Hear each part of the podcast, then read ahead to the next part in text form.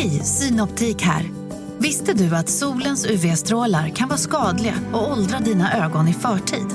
Kom in till oss så hjälper vi dig att hitta rätt solglasögon som skyddar dina ögon. Välkommen till Synoptik. Välkommen till Unionen. Jo, jag undrar hur många semesterdagar jag har som projektanställd och vad gör jag om jag inte får något semestertillägg? Påverkar det inkomstförsäkringen? För jag har blivit varslad, till skillnad från min kollega som ofta kör härskarteknik på möten och dessutom har högre lön trots samma tjänst. Vad gör jag nu? Okej, vi tar det från början. Jobbigt på jobbet. Som medlem i Unionen kan du alltid prata med våra rådgivare. CSRD. Ännu en förkortning som väcker känslor hos företagare. Men lugn, våra rådgivare här på PWC har koll på det som din verksamhet berörs av. Från hållbarhetslösningar och nya regelverk till affärsutveckling och ansvarsfulla AI-strategier. Välkommen till PWC.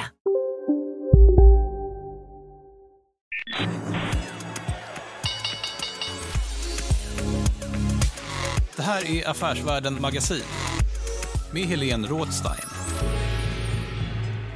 Hej och hjärtligt välkomna till podden Affärsvärlden Magasin där vi varje måndag fördjupar oss i affärsvärldens journalistik. Jag heter Helene Rådstein och jag är reporter på Affärsvärlden. Och nu sitter jag här med Oskar Karlsson och du är fondförvaltare på Handelsbanken. Välkommen hit. Stort tack. I början av året så, så sa du sitt still i båten och sen så spådde du att årets första rapportflod skulle bli förhållandevis eh, ointressant. Att det överhuvudtaget eh, skulle bli en förhållandevis ointressant period. Vad säger du nu, fem månader senare? Ja, nej, men det, även om liksom, fonden i fråga är upp några procent så, så får man väl ändå konstatera att det har varit eh, hyggligt händelserikt och att eh, beskrivningen om att det skulle vara ointressant och händelsefattigt kanske kom på, på skam. Eh, men, men däremot så kanske det visade sig att, att den här gamla klyschan om att sitta still i båten, den kanske var, var mer viktig än någonsin eh, under den här perioden. Det, det krävdes väl ändå ganska mycket liksom, viljestyrka, disciplin och, och framtidstro för att orka och våga eh, sitta still eh, när det blåste som mest. Men helt ni har ju inte suttit helt still ändå. Nej, vi har rört oss väldigt, eh, väldigt aktivt, väldigt mycket eh, under den här eh, perioden.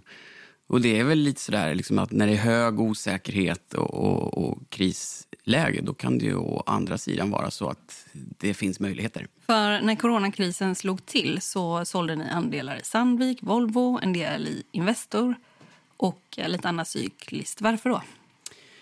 Nej, men det var väl givetvis man började få signaler om, om att eh, den här pandemin började rullas upp och, och liksom indikationer på, på allvaret i det. Eh, vilket gjorde att man gradvis började eh, skruva ner eh, den cykliska exponeringen. Men, men man kan väl säga liksom den, ut, den utlösande faktorn för en stor rotation i portföljen, det var väl egentligen när, när land efter land började stänga ner. Och det rådde ett väldigt stort informationsvakuum. Man visste ju inte vad det rent ekonomiskt betyder. Och, och vi gjorde väl någon slags eh, digital världsomsegling där och gick in och kollade på, på webbkameror från, från eh, många kända platser i världen och infarter till städer och så vidare. Bara för att få någon typ av känsla för, för liksom, hur ser det ut och vad är magnituden och innebörden av det här. Vad tänkte du då? Ja, det var ju ganska, det var ju nästan kusligt. Liksom, för att när man tittade på, på infarten till London eller Miami Beach eller, eller eh, Times Square så var det ju i praktiken helt folktomt. Eh, liksom mitt, mitt på dagen en vardag. Och då kommer man ju givetvis till slutsatsen att det här kommer ju bli väsentligt mycket värre innan det eventuellt någon gång då blir bättre. Och, och ryggradsreflexen blev ju givetvis att, att eh, röra sig ut och med ganska stor kraft ut ur cykliskt och, och konsumentrelaterat eh, mm. och in i mer traditionellt sett trygga eh, och säkra hamnar. Vi tar några som ni ökade i här under perioden. Essity, varför? Ja, nej, men det, det var väl... Eh, de säljer ju mycket produkter som, som kanske inte påverkas nämnvärt av, av det som hände. Och det var väl till och med så att, att det, blev, det blev brist på den typen av varor. Så då insåg man ju ändå att... Ja, men här Toalettpapper väl... till exempel. Ja, exakt. exakt. Men, men, men fattade ni det innan? Liksom att här sitter de med massa nästan lagervaror. Ju. Ja. Fattade ni det innan? Eller hakade Nej, på? magnituden av det, Nej. det gick så fort. Ja. Eh, men, men det var ju liksom eh, en övergripande analys och känsla av att, att traditionellt sett eh, mer defensiva och stabila branscher borde klara sig bra. Men, men det är klart att man började tänka på att vilka kan ha supply chains och så vidare som disruptas i det här så att man blir lurad och tror att det inte är så stabilt som det är. Men ta liksom teleoperatörer exempelvis. Där Ja, visste vi att- Tele2 ökade. Ja, exakt. Och jag menar, där, där insåg man ju att, att eh, det, det fanns ju få fysiska hinder för att deras verksamhet skulle kunna fortsätta att vara så som den har varit tidigare Mm. också. Och sen så ökar ni i AstraZeneca, Mm. men inte i Alecta. Vi tar Astra först. Ja, det var väl lite på samma tema. Det det är väl ett bolag som historiskt sett har haft kanske en liten skral forskningsportfölj men som de senaste tre, fyra åren har börjat skörda på, på det arbete som man har gjort längre tillbaks och, och som nu är inne i en bra, bra period vad gäller eh, nya produkter och så vidare. Så, så det var väl en av de här trygga hamnarna som vi tyckte har ett bra momentum och sannolikt skulle kunna hantera det här väl. Ericsson ökar ni också i. Mm. Varför? Ja, nej men det, det, det fick man väl signaler om och har fått under en längre tid att, att eh, liksom i takt med 5G-utrullning och så vidare så förefaller det som att de är väl positionerade i det skeendet. Och det är väl bara att tänka att, att eh, när alla helt plötsligt skulle sitta via videomöten och så vidare så påskyndar ju det digitaliseringen.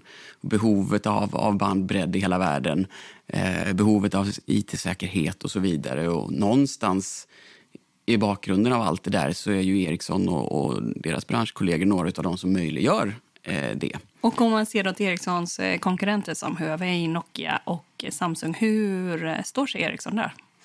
Ja, nej, men de, de står ju sig förhållandevis väl och eh, man kan väl säga att under en, under en 20-25 års period så har ju Huawei tagit väldigt mycket mark och tagit marknadsandelar.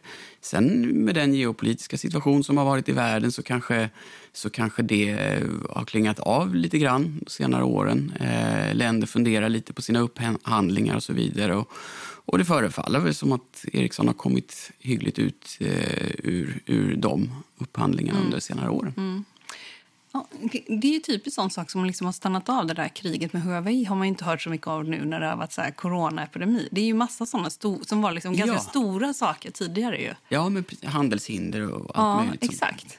Ja, ja, har du någon take där? Så får vi, för det är ju ändå en ongoing, alltså det är ju ändå en pågående konflikt på flera håll ju, som Mm. ändå håller i sig. Är det något du har, är det något du har tänkt på? Ja, nej, men jag, precis som för, för alla andra så tror jag liksom att hela coronasituationen har blivit helt överordnad. Eh, så, så i ärlighetens namn så är det ju inte någonting som, som marknaden tänker eh, särskilt mycket på i det här läget. Utan det har ju varit den här pandemisituationen som har fått väldigt mycket attention. Så får man väl se hur, hur allting utvecklar sig. Både avseende pandemin, om det, om det är så att det blir en andra våg och i så fall vart den slår till och så vidare. Eh, då kanske det fortsätter att vara, vara i, i nyheternas centrum. Marknaden sponsras av SPP, pensionsbolaget. Eh, förra gången pratade vi lite om ITP. Och som en kort repetition så, så var det ju 70-tal, arbetsmarknadens parter bestämde att alla tjänstemän ska ha en tjänstepension. Man kom överens om vilka villkor som ska gälla i den här pensionen och så kallade man den för ITP. Så jobbar man idag som tjänsteman i ett företag med kollektivavtal, då har man förmodligen den här pensionen, ITP-pensionen. Eh, och det är ju så att man kan påverka eh, den här pensionen, hur den är placerad. Vart femte år så gör nämligen Collectum, som de heter, en enorm upphandling där olika pensionsbolag kan ansöka om att få förvalta eh, de här pensionerna. Och SPP är ett av bolagen som valdes ut i den senaste upphandlingen. Och sen kan du som pensionssparare välja vilket av de här olika pensionsbolagen som, som då ska få ta hand om dina pengar.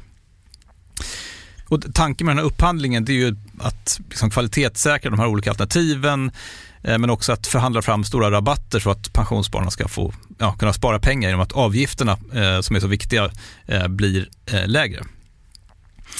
Och vill man välja någonting i ITP-systemet då finns det en relativt ny sajt som heter avtalat.se. Ehm, där kan man gå in och se hur sin ITP-pension är placerad. Jag gjorde det häromdagen faktiskt. Ehm, idén är att hälften av pengarna alltid ligger i något som kallas för traditionell försäkring. Det här gjorde vi ett avsnitt om i podden Kapitalet nyligen eh, som vi kallade världens bästa sparform. kan man lyssna på om man är intresserad. Eh, den andra halvan eh, den kan man också lägga i en traditionell försäkring eller så kan man placera det i något som kallas för fondförsäkring. Eh, SPP som sagt eh, var ju ett av de fåtal bolagen som valdes ut i den senaste upphandlingen och de finns med som alternativ både med en traditionell försäkring och med eh, fonder.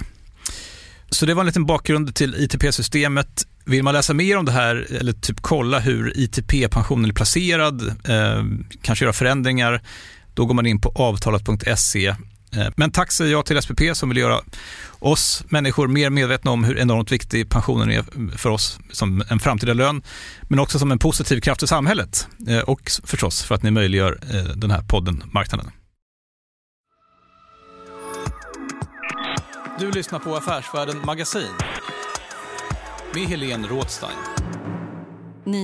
Inte sadlade om, för ni har haft de här digitala innehaven tidigare. kan man ju säga. Mm. Och de som eh, det har handlat om, som ni har eh, och som du faktiskt brukar prata om, det är Embracer, Storytel, Sinch brukar du prata om dem. Ja, de har vi haft i portföljen i lite drygt ett, ett och ett halvt år. Något Ja. sånt. Och eh, Bygghemma. Bygg hemma också. Det, ja, det är digitalt. Ja, det får man väl ändå säga. Eh, det, är, det är väl eh, semidigitalt i alla fall. Eh, Det bygger väl ändå på, på eh, digital försäljning och sen är det givetvis fysisk distribution. Men, men det verkar ju ändå som att, att just eh, byggvaror verkar vara någonting som är ganska bra att sälja online för du får inte riktigt lika mycket returer som på exempelvis kläder och därav så, så förefaller det som att man kan ha en högre lönsamhet. Så är det. Ja. Ja, exakt. Embracer då, datorspeltillverkare. När de kom in med sin senaste kvartalsrapport så var inte den jättebra, eller? Eller vad tycker du? Det var tre av fyra affärsområden som gick lite dåligt. Ja, nej, men det beror väl väldigt mycket på hur man ser. Men, men eh, man måste ju jämföra äpplen med äpplen så att det inte blir äpplen och päron och sådär. Eh, Är det så? det, det var ju, om man tänker sig fjolårets kvartal, Ja. så hade man en väldigt stor lansering av ett spel som heter Metro Exodus, bland annat, Mm. inte minns fel. Och man hade flera andra stora titlar. Och i- varje gång då när du kommer liksom med, med eh, jättestora titlar så blir det ju så att kommer du inte med någon stor titel året efter, ja men då ser ju då ser det ju givetvis inte lika roligt ut.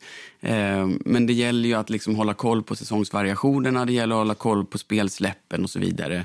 Och sen också i det som har skett så, så är det givetvis så att deras fysiska distribution av spel påverkades i det här kvartalet eh, medan den digitala distributionen påverkades positivt.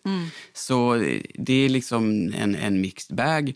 Men man måste se det över en längre tidsperiod än, än enskilda kvartal för att liksom kunna dra ut tangenten i, i all evighet bara baserat på ett kvartal. Man pratar ju ofta tycker jag när det gäller spelbolag. Och, ja, de har den här, den här. Men i Embraces fall till exempel så har de liksom 118 spel som är under utveckling och varav 69 ännu inte har utannonserats. Jag tycker det låter som ofantligt många spel. Hur kan det vara så många tänkte jag? Det låter ju hur, som hur många men man har ju det som, det som är fördelen med Embracer, det är ju det är lite det här som vi identifierade hyggligt tidigt, att det här är en slags digital form av ett Indutrade, lagerkrans eller adtech. Mm. Du har eh, äger understudios som, som i sin tur eh, har ja, utvecklare som, som jobbar och liksom är vad ska man säga, det, det är en decentraliserad affärsmodell. Eh, och, och därav så är det ju inte så att det är en central enhet som ska sitta och styra alla de här utan, utan det är ju liksom de enskilda eh, spelutvecklingsstudiorna som, som ansvarar för det. Eh, på ett ganska snarlikt sätt som, som det ser ut i Indutrade och, och Lagerkrans och sådär. Det pratades tidigare att de skulle finnas på, jag vet inte, ska man säga att det är en streamingtjänst, eh, Epic, eller, eller vad ska man kalla det? Ja, vad ska man säga? Det, eh, En samlingsplattform, en plattform för spel. plattform för spel, tror jag. Ja, Ja. Eh, som Fortnite-grundarna har. det stämmer. Ja, hur har det gått med det? Jo, men den plattformen, Epic Games plattform, den lanserades för, det borde väl vara ett och ett halvt år sedan nu eller någonting sånt där. Som en, en eh, utmanare till, till Steam-plattformen som har varit totalt dominerande de senaste åren. Och Embracer var väl en av de första eh, studios, eller bolagen som, som eh, lät ansluta delar av sin portfölj där. Och Epic-plattformen som helhet har ju haft en väldigt stark utveckling under den senaste tiden och därav så har ju en del av Embracers spel också fått väldigt mycket uppmärksamhet eh, på den här plattformen. Mm, det, det har fungerat bra för dem, eller? Ja, man har bland annat haft eh, Satisfactory, ett, ett av sina spel som en svensk spelstudio som heter Coffee Stain har tagit fram som, som har varit eh, väldigt väl mottaget där. Och man har haft flera andra titlar också. Eh, så, så det förefaller ha varit ett väldigt lyckat drag att, att samarbeta med Epic. Spelar det någon roll här om man ligger på den plattformen? För nu så kommer ju Fortnite med en ny säsong. Och jag vet inte om, om vi ska översätta det till solskyddsfaktor eh, hundra, eller? det här lockar ju extremt många kids, råkar jag veta och erfara tyvärr. Ja, exakt. Men, eh, och, um, beroende på hur det går för Fortnite spelar det också roll vad det gäller den plattformen. Alltså om de kommer med en ny säsong, Mm. kan det också lyfta de som ligger på den plattformen för fler in och spelar? Ja, nej, men det är väl, det. alltså, driver man tra trafik till den plattformen så är det väl inte osannolikt att en eller annan eh, spiller över till något av de andra spelen som man visar upp på plattformen. Sen kan det också vara så att det blir en ökad koncentration till just den titeln du nämner. Ja. Så, så det finns ju liksom lite olika, lite olika eh, aspekter i det där. Men, men det är klart att det driver väl trafik eh, dit om inte annat. Ett annat innehav ni ökar i, apropå Embracer, kan man väl säga, det är Stillfront. Mm. Va, vad är det som lockar där? Ja, men de är ju något så ovanligt som, som en liksom, väldigt bra framgångssaga inom mobila free-to-play-spel. Det har ju varit en, en, en ganska svår genre tidigare, men det är, alltså, det är alltså spel som typiskt sett är gratis att spela, men, men där man betalar om man vill uppgradera sig och ha andra tjänster i spelet och så vidare. Och Stillfronts fokus har alltid varit strategispel. Och där tenderar man ju liksom att engagera sig under en längre tid. Och nästan ha det som en hobby under flera år. Och därav så har man lyckats väldigt väl eh, inom den här annars ganska svåra genren. Eh, och det är ju liksom det segmentet inom, inom spelsektorn som har uppvisat högst tillväxt de senaste åren. Så därför är det ju lite extra intressant att man har hittat en modell som förefaller funka. Vad det gäller digitala innehav så eh, var du en som vurmade ganska länge för Fingerprint. Nu är det ett tag sedan, men till exempel 2016. Mm. Vad, hur tänker du nu? Jag har faktiskt inte tänkt särskilt mycket på, på det bolaget på under en längre tid. Eh, det är väl sådär, vår strategi har väl varit att, att leta efter liksom, framtida svenska världsledare som tar eh, nya teknologier från forskningsstadier ut i världen, kommersialiserar dem och når en stark marknadsposition. Från tid till annan så passerar det ju bolag som kommer en bit i den utvecklingen men som kanske inte riktigt når hela vägen fram till att bli ett nästa Atlas Copco. Liksom. Men ambitionen är ju att leta efter, efter bolag som på riktigt kan, kan eh, göra ett avtryck och etablera nya pockets of growth, nya tillväxtfickor. Um, och så jag har väl liksom brunnit mer för de eh, liksom bolag vi nämner nu de senaste åren just för att de tycks fortfarande vara inne på, på en väldigt stark bana och, och är på väg att bygga någonting som skulle kunna bli världsledande. Och ibland, som sagt, så, så eh, faller vissa bolag ifrån ut med vägen som, som inte tar riktigt de där stegen som man hade hoppats och trott. Men eh, vad det gäller liksom den digitala framtiden, om man ser då på Fingerprint till exempel, eh, kan du vara lite för optimistisk? Ja, jag vet inte, det, summeringen av det där är väl att det var en investering som gav fyra, fem gånger pengarna till andelsägarna. Eh, och sen så som sagt, vi letar nya pockets of growth hela tiden. Alla kommer inte lyckas hela vägen. Så är det bara. Men eh, det är ju det är ju inte så att man får sluta jaga nya idéer för det, utan det, det är ju det man liksom ska göra. Man ska fortsätta att leta nya case, nya idéer, låta fakta styra och när det, när det inte pekar i den riktningen man vill längre så får man ju gå vidare och leta efter nya. Du lyssnar på Affärsvärlden Magasin med Helene Rådstein. Ni har ju ökat en del i eh, lastbilstillverkaren Volvo. Och ehm, Volvo har ju inte varit vilket företag som helst under den här krisen. Det har ju nästan tapetserat eh, löpsedlar många gånger med otroliga varsel. Och de verkar ha haft det jättetufft. Hur, hur tänker ni? Ja, nej men det är väl självklart att, att när, när ett bolag hamnar i en sån situation att, att egentligen hela intäktssidan omgärdas av en grad av osäkerhet av sällan skådat slag så, så uppstår väl ett läge som är väldigt osäkert. Ehm, och du har ju givetvis en, en kostnadsbas som i hög grad är fast. Och då, då är det väl givet att, att det uppstår en väldigt stor oro i början av en sån cykel. Men det är klart också att när saker och ting eh, lugnar sig lite, världen eventuellt öppnar upp och återgår lite mer till ett normalt läge, då, då kommer väl lastvagns efterfrågan också gradvis tillbaks och även förmågan att kunna producera. Hur vet du det? Ja, det, men det är väl liksom, när, när ekonomin är uppe och rullar igen så, så slits ju givetvis lastbilsflottan och måste ersättas med nya. Mm. Det är liksom, så blir det ju. Mm. Eh, och eh, sen vad gäller liksom produktionssidan så, så, får man ju förutsätta att bolaget gör allt man kan för att säkra upp en supply chain som gör att man kan, kan möta den efterfrågan. Det var ju något investerarmöte som bland annat Dagens Industri rapporterade om. Och där så, så sades det att man fick veta att orderingången på lastbilar var på väg upp. Innan vi går in på det med orderingången, vad tycker du om sådana investerarmöten? Det, det förutsätter man ju givetvis att den informationsgivningen alltid sker på det sättet som det ska. Mm.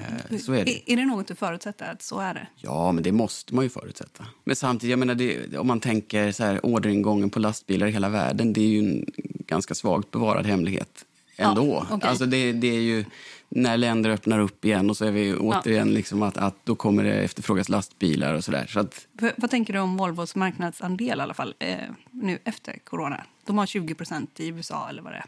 Ja, men vi tar USA som exempel. Då, liksom att man har haft ja, men drygt 20% marknadsandelar tidigare. Och det är väl sannolikt att man ska kunna ja, bevara dem eh, eller hålla sig där i närheten. Kanske förhoppningsvis kunna ta lite marknadsandel.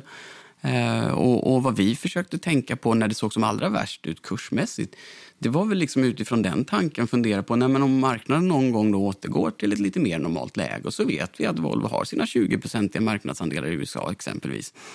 Och vi vet ungefär vad de har för kapacitet att nå för lönsamhet. Men då kunde man ju tänka sig på ett ungefär vad bolaget skulle kunna prestera 2022, 2023 eller liknande. Och då när det såg som mest osäkert ut, även om man applicerar en extremt hög riskpremie, så insåg man att nej, men över tid så kommer man väl förr eller senare kunna frigöra aktievärde här. Eh, och, och, där var väl mer så istället för att sitta och vänta på att det ska stå på skärmen att orderingången på lastbilar går upp, så, så kommer vi väl till slutsatsen att det är väl, det är väl lika bra att köpa när, när eh, många andra tvingas sälja. Mm. Um, och det har ju varit en utveckling mot elektrifierade och självkörande lastbilar. Mm. Och, och, Volvo har sin Vera. Har du sett den? Den har jag sett. Ja, vad tyckte du? Ja, men det, är väl, det är spännande, men det är fortfarande early days. Det ser verkligen inte ut som en lastbil. Nej, det, det får man väl säga. Det är liksom ja, en, en liten transportbox. Vad det gäller de här självkörande lastbilarna, som till exempel Vera, det har väl utvecklats till ett nytt affärsområde. Det där skulle kunna växa till sig så enormt framöver, eller? Ja, det, alltså, i, i, dagsläget så har man väl så här, i rent kommersiell form så, så är det väl kanske framförallt på anläggningsmaskinsidan, gula maskiner, där man i en liten nischad segment har bland annat dumprar och sådär som kan, kan vara elektrifierade. Eh, men, men det är ju fortfarande extremt svårt att hitta en bra lösning på hur man transporterar stora, tunga laster under långa, långa sträckor så som lastvagnar ändå gör. Så, så steget till att vi ska ha helt elektrifierade lastvagnar eller, eller om det är bränsleceller eller vad det nu är, det är nog ganska långt. Eh, det kommer sannolikt ta ganska lång tid. Mm. För nu så kan de arbeta inhägnade områden. Liksom. Ja, ja, det är väl kanske framförallt inom eh, byggsidan, inom viss del av gruvindustrin så här, som man har kommit längst med, med elektrifiering. Mm. Och, och, till viss del eh, självstyrning och så där också. Mm. Eh, marknaden sponsras av Karla. Eh, vi pratar ju en hel del om bilar här på kontoret. Karla har ju skapat, skulle jag säga, det som är standarden för hur man idag köper och säljer bilar på nätet. Eh, kort bakgrund bara. Eh, karla säljer och leasar begagnade elbilar eh, och laddhybrider på karla.se. Alltså en helt digital upplevelse. Och man har gjort det här med ett nästan maniskt fokus på vad en bilköpare faktiskt behöver. Jag gjorde ju en intervju med en av grundarna, Patrik Illerstig, i marknaden här eh, ganska nyligen, daterad 25 mars, om man vill lyssna på den. Eh, men där berättar han hur de kom in i det här lite från vänster för att försöka uppfinna hela den här liksom bilköpupplevelsen från början. Och de har idag, vilket är rätt otroligt, 4,8 i betyg eh, på Trustpilot. Jag, jag har sett många företagssidor på Trustpilot, men det här är nog bland eh, det bästa jag någonsin sett faktiskt. Man kan sälja bilen till Karla också. Eh, då går man in på karla.se, delar lite info om bilen, sen får man en gratis värdering och ett bud. De hämtar bilen helt gratis i hela Sverige och så har man pengarna på kontot i samma stund som de hämtar bilen. Det är grymt. Eh, så ska du köpa en ny bil eller sälja din gamla, eller båda delar för den delen, gå in på karla.se och eh, kolla. Alltså karla.se och Karla stavas med C. Tack så mycket till Karla. Du lyssnar på Affärsvärlden Magasin med Helene Rådstein. Dometic, det är ett annat innehav ni har köpt på under coronatider. Det är på grund av staycation-trenden, eller? Ja, det får man nog säga. Eh, sen är det ju också när det såg som allra, allra värst ut. Eh, och då var det väl så att investerarkollektivet med i färskt minne hade Lehman-krisen och det faktum att i spåren av det, när många människor blev av med jobbet och så vidare, då gick verkligen eh, köpen av husbilar och båtar ner kraftigt. För det kan man säga, de har liksom nischade komponenter som behövs just i fritidsbåtar ja, och husbilar och så vidare. Och det är allt från husbilsfönster till styrsystem för båtar och kylboxar och sådär. Ja. Exakt. Ja. Och att det, det, var ju då liksom i den här första fasen av, av eh, oron som uppstod. Eh, det var ju helt enkelt att oj, det kommer ju inte säljas en enda båt eller en enda husbil i sommar. Mm. Men Sen insåg ju folk ganska kvickt att ja, men vänta nu här, vi får inte resa utomlands. Men förhoppningsvis så, så kommer vi väl kunna semestra hyggligt väl, men i våra egna länder. Mm. Och då eh, kom man väl ganska snart till slutsatsen att vänta nu, jag kanske inte bara vill sitta i min egen trädgård eller, eller i min egen lägenhet. Och då förefaller det som, av de signaler vi får nu, att att efterfrågan på husbilar och båtar kanske snarare har påverkats i positiv riktning av det som har skett. Och eh, andra staycation-aktier ni har köpt är till exempel Skistar. Mm. Eh, hur tänker du med Skistar? Ja, men det, det, var faktiskt en av de första som vi började tänka på. Ja. Jag menar, det, är få, det, är exception, det var ju när osäkerheten var som störst. Ska sägas. Ja. Det är få bolag på börsen som har i sin liksom, vanliga business att man inte har några som helst eh, betydande försäljningar mellan april till december. Mm. Så det gjorde ju att där kommer vi ha ett förhållandevis oförändrat läge åtminstone fram till december på businessen. Mm. Det var ju den slutsatsen vi kunde dra. Sen får vi ta det sen. Var ja, ja okej. Sen samtidigt är det om man om man har varit i Skistars anläggningar och eh, åkt som jag har gjort till exempel i Sälen och sådär, då vet man ju att det är ju fullbokat mm. väldigt Alltså om du, du måste ju boka nästan när du är, är där är eh, för att få plats. Jag vet inte hur läget ser ut eh, framöver. Alltså bokningsläget. Ja. Alltså själv skulle jag aldrig boka någonting nu. Nej, precis. Men det reflekterades ju också i aktiekursen som var ner mycket vid det läget. Så det där är ju alltid en avvägning. Liksom. Ja. Men om man ser då på, eh, på Skistar så liksom i, eh, i år så har den backat. Det är 18, ja, nästan 19 procent. Men visst, den senaste månaden, om man bara tar månaden då, mm. så är det liksom upp 18. Ja. Va, va, vad tänker du? Va, var bara den landar någonstans? Jag har egentligen inte liksom riktigt satt ner foten exakt. Det är väl fortfarande rörlig materia, alltihop mm. det här. Men eh, man kan väl ändå konstatera att, att eh, en hög andel av, av resandet kommer väl sannolikt ske domestikt i närtid. Mm. Eh, och eh, är det några som, som har en hög andel domestik eh, turism så är det ju Skistar. Mm. Många andra tuриstrelaterade bolag i Sverige är ju ganska beroende av att folk från Danmark och, och Tyskland och Nederländerna och våra grannländer kommer hit. Mm. Men, men Skistar... Det märks ju i backarna i Sälen att det är många eh, utländska turister också. Ja, så är det. Men, men, men i statistiken liksom, så, mm. så, är det ju väldigt marginellt jämfört med mm. andelen mm. domestika gäster mm. mm. Som, som utgör den absolut största delen. Skulle man kunna tänka sig att eh, de faktiskt får in fler sommargäster än tidigare? Det tror jag nog är en högst rimlig tanke. Mm. Det är ju en väldigt liten verksamhet på sommaren och kommer väl kanske inte bli en enorm verksamhet i år heller. Mm. Men, men givet att eh, det är liksom många som vittnar om att det är nästan kö för att köpa båt och det är svårt att hyra stuga och så vidare. Det är klart att en och annan kommer hitta till, till fjällen i sommar. Mm. Och om man hänger på sociala medier så, här, så ser man ju ganska mycket så här Scandic ute och annonserar mycket. Här kan ni bo i komfamiljer och häng vid vår pool och sådär mm. i, i, sommar. Och Scandic är ju ett annat, de gör en nyemission nu va? Ja, nu i dagarna. Ja, nu i dagarna. Och ni har också gått in i Scandic. Vad tror du där? De äger kontrakt med liksom hotellfastigheter. Det är svårt att omvandla det till något annat. Mm. Hur tänker du? Mm man får kolla på, på eh, marknadsposition och vilka segment de verkar. Och, och det känns ju ändå som att eh, över en längre tid så kommer det väl fortsatt finnas hotell i Norden. Och sannolikt så kommer väl antalet gästnätter gradvis sakta men säkert stiga och förhoppningsvis kunna hålla på och återhämta sig under en längre tid. Det kommer väl givetvis inte ske över en natt, men, men därav så, så blir det väl en period av, av återhämtning framöver. Och det är väl liksom, nu har vi haft, vad hade man en beläggning på 6-8 procent de senaste månaderna. Mm. Om man vill liksom snurra fram tiden 12 månader och vi sitter vid nästa kvartalsrapport, ja, då ska det väl mycket till för att man inte ska kunna uppvisa hygglig tillväxt.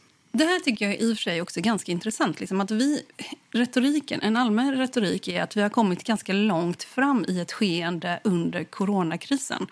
En, sak, en tanke som slog mig häromdagen var så här, tänk ifall vi bara är i början, början, början på en coronakris. Att liksom, om tre år eller nästa år så är vi fortfarande i början på någonting. Hur tänker du kring det? Liksom... Det ska väl inte uteslutas att det tyvärr är så att, att det kan vara så att det kommer en andra våg någonstans. Mm. Och Det beror på vart den dyker upp, hur kraftig den blir mm. och så vidare kring, kring vad som sker med ekonomin och med bolagen. Mm. Så liksom senaste veckorna, dagarna, så är det klart att marknaden handlar väldigt mycket på den här känslan av glädje över att det förefaller som att vi är på väg ut ur någonting mm. just nu. Mm. Men är det liksom på väg ut ur det här för gott eller eller är det en tillfällig relief? Det vet ju ingen. Mm. Eh. Och apropå ekonomi, ett innehav som du eh, talade mycket gott om senast vi pratade som du har sålt av en hel del, det är ju Intrum. Ja, nej men det är väl eh, på temat att, att eh, man alltid får vara beredd på förändrade förutsättningar så, så var väl Intrum som ett sånt bolag som hamnar lite grann också i stormens öga för, för det här som sker. Givet att man har eh, en hög exponering mot länder som Spanien och Italien och så vidare som, som hade väldigt kraftiga lockdowns. Och då är klart att det påverkar ju det korta perspektivet återbetalningsförmågan. Men dessvärre också då om i spåren av det leder till en stigande arbetslöshet så minskar ju också återbetalningsmöjligheten. Eh, så att därav så... Under ganska lång tid framöver? Ja.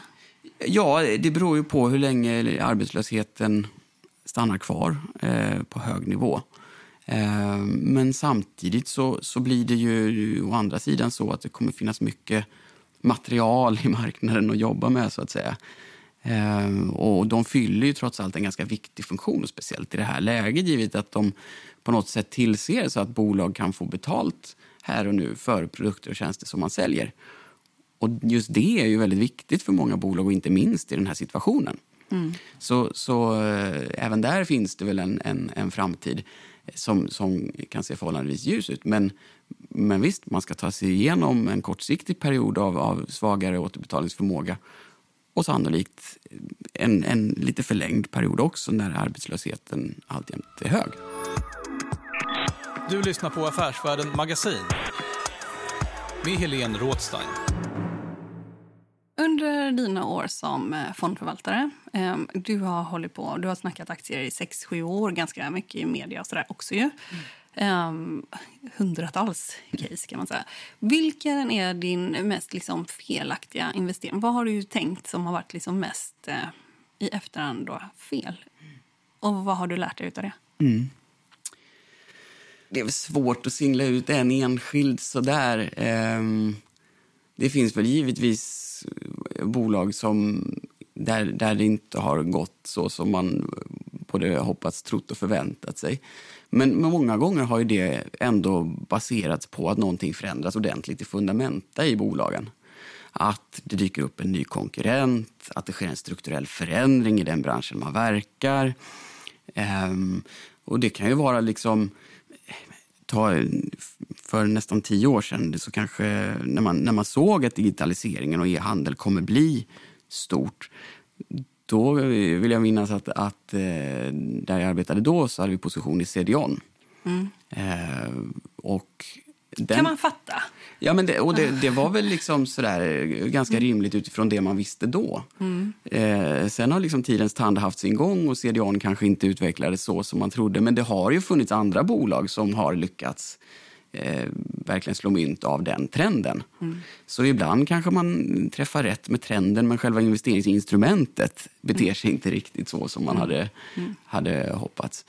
Eh, sen finns det ju liksom eh, bolag som har varit väldigt hög kvalitet på och gjort det väldigt bra.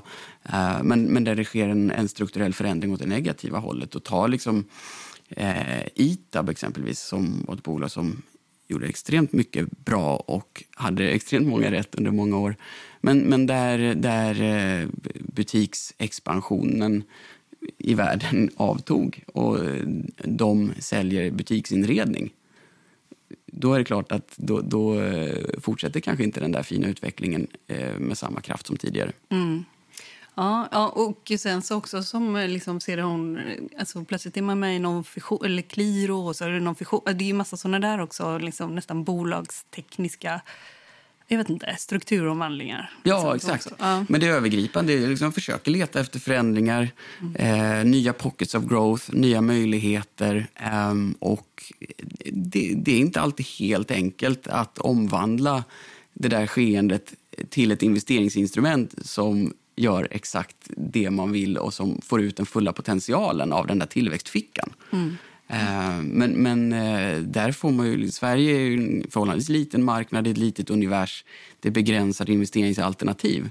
Eh, och därav så måste du ändå sätta din tilltro till de bolagen som, som man bedömer ändå har en hygglig möjlighet att, att kunna göra någonting bra av de här tillväxtfickorna. Jag säger tack till dig, Oskar Karlsson, fondförvaltare på Handelsbanken för att du var med i podden Affärsvärlden Magasin. Stort tack! Du har lyssnat på podden Affärsvärlden Magasin som utkommer varje måndag. För mer information om Affärsvärldens journalistik gå in på affärsvärlden.se. Och podden den är tillbaka om en vecka. Håll ut!